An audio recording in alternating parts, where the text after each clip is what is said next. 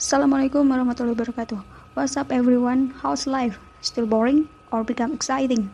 Whatever it is, I wish you always in healthy and happy condition. In this episode, we will talk about alah, pakai bahasa Indonesia aja lah ya. Jadi di episode kali ini, podcast ini mau bahas tentang hal yang tidak diajarkan di sekolah. Apa tuh? Sebenarnya, kalau ditelisik, ada banyak sih yang menyangkut kecakapan hidup, kemampuan untuk mempertahankan diri di dunia yang ganas ini ada, tapi episode ini nggak akan membahas semua, kepanjangan. Kalau kata Robert Kiyosaki dalam bukunya yang berjudul Rich Dad Poor Dad, kenapa banyak orang sekolah tapi sedikit yang kaya? Kenapa banyak orang pintar tapi mereka juga nggak kaya? Jawabannya, karena sekolah tidak mengajarkan para siswanya untuk mengelola uang.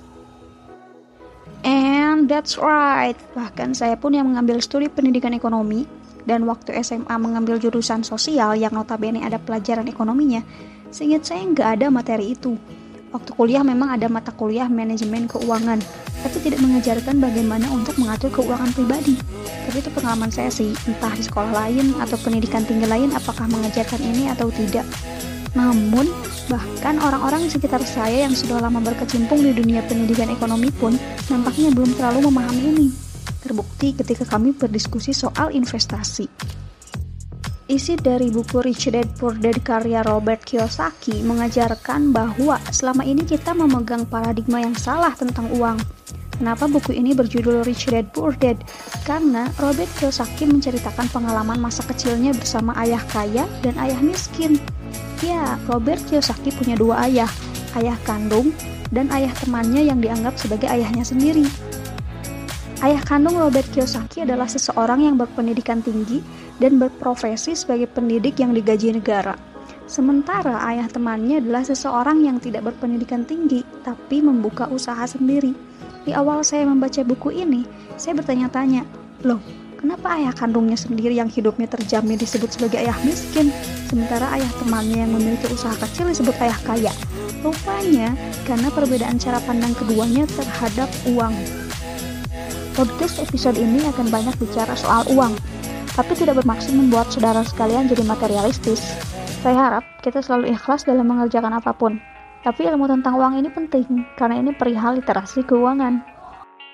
Saya nggak akan bahas bukunya Robert Kiyosaki lebih lanjut, karena bukan endorse juga. Intinya, dari buku itu saya belajar yang namanya investasi apa sih investasi itu? Investasi itu menanam uang atau modal ke dalam suatu perusahaan atau proyek untuk mendapat keuntungan. Investasi banyak jenisnya, tapi di sini kita bahas investasi surat berharga karena memang wawasan soal ini masih kurang merakyat. Pembahasan kita mulai berat nih. Jadi, saya harap pendengar sekalian mulai fokus karena ini mengandung ilmu. Mudah-mudahan bisa dipahami dengan baik. Surat berharga itu ada berbagai macam. Ada saham, ada obligasi, ada SBI atau sertifikat Bank Indonesia, dan masih banyak lagi. Saham itu surat penyertaan modal. Keuntungan dari memiliki saham adalah ketika perusahaan memperoleh laba, kita mendapatkan keuntungan yang dinamakan dividen. Terus, kalau saham itu kita jual lagi ke orang lain dengan harga jual lebih tinggi dari harga beli, keuntungannya disebut capital gain. Tapi kalau harga jualnya lebih rendah dari harga beli, itu disebutnya capital loss. Selain itu, kalau kita punya saham suatu perusahaan, apalagi jumlahnya lumayan, maka kita punya hak suara dalam RUPS atau rapat umum pemegang saham. Yang artinya, kita bisa ikut menentukan kebijakan perusahaan, tapi tergantung berapa persen saham yang kita miliki. Lebih banyak, maka suara kita lebih berpengaruh. Kalau obligasi adalah surat utang, keuntungannya adalah bunga. Pemilik obligasi tidak punya hak suara, akan tetapi pembayaran keuntungannya diutamakan. Misalkan, perusahaan A bulan ini mendapat laba, maka yang didahulukan adalah pembayaran bunga obligasi. Kalau masih ada sisa, baru dibagikan sebagai dividen kepada para pemilik saham. Jadi di antara keduanya ada plus minusnya, tapi sebenarnya saham dan obligasi pun ada jenis-jenisnya lagi.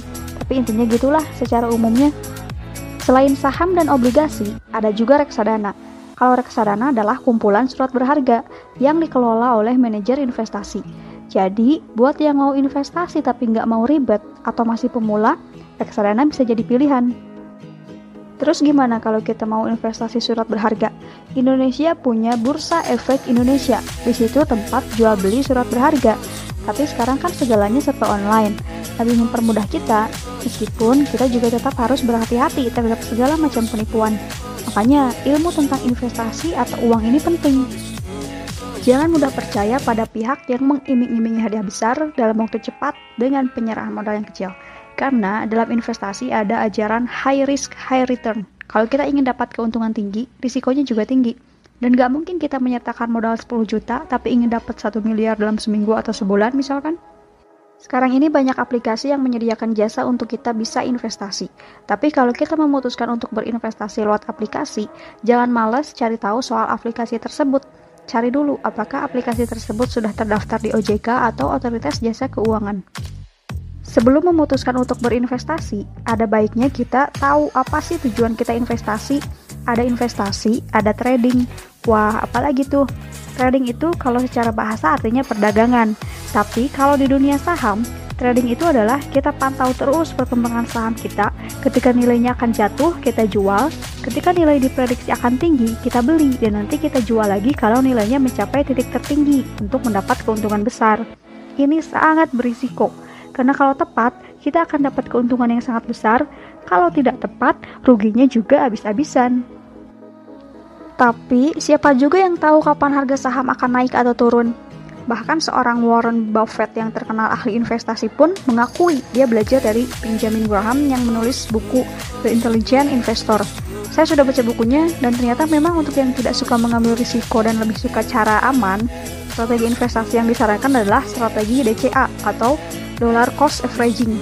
Jadi kalau pakai strategi ini, nggak peduli harga sedang naik atau turun, kita tetap beli di waktu yang ditentukan. Misalnya, kita beli surat berharga tersebut tiap bulan tanggal 1 tanpa peduli harga sedang naik atau turun.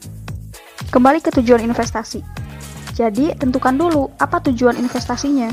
Misalkan, kita mau investasi buat membeli A atau membangun B atau pergi ke C. Tentukan juga batas waktunya.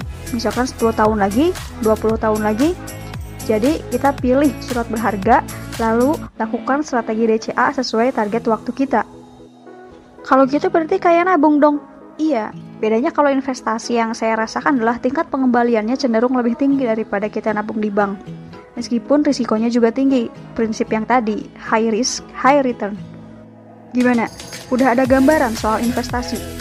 Saya sendiri udah mulai investasi sejak 2019, memilih salah satu aplikasi dan alhamdulillah masih berjalan sampai sekarang. Experience is the best teacher. Pengalaman adalah guru terbaik. Belajar dari pengalaman sambil baca-baca buku juga. Lumayan lah berkontribusi dalam pemahaman investasi ini. Jadi, kalau dapat uang, bertindaklah jadi orang kaya. Jangan sok kaya. Orang yang sok kaya akan membelanjakan uangnya untuk terlihat kaya. Beli itu ini, bawah sampai atas branded. Orang kaya nggak harus terlihat kaya. Lihat aja orang-orang terkaya di dunia. Pakaiannya sederhana kok. Bahkan di antaranya ada yang suka naik transportasi umum.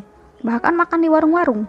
Jadi, ayo, mulai bijak melek keuangan. Abis dengerin podcast ini, mulai ubah kebiasaannya ya. Jangan hanya gunakan uang untuk konsumsi, tapi gunakan juga untuk memberi alias infak atau sedekah dan untuk investasi. Jadi ingat dan terapkan itu ya. Gunakan uang untuk tiga hal, konsumsi, memberi, dan investasi. Oh iya, saya investasi reksadana juga di aplikasi yang inisialnya B, 5 huruf, belakangnya T mohon maaf gak disebutin karena bukan endorse juga.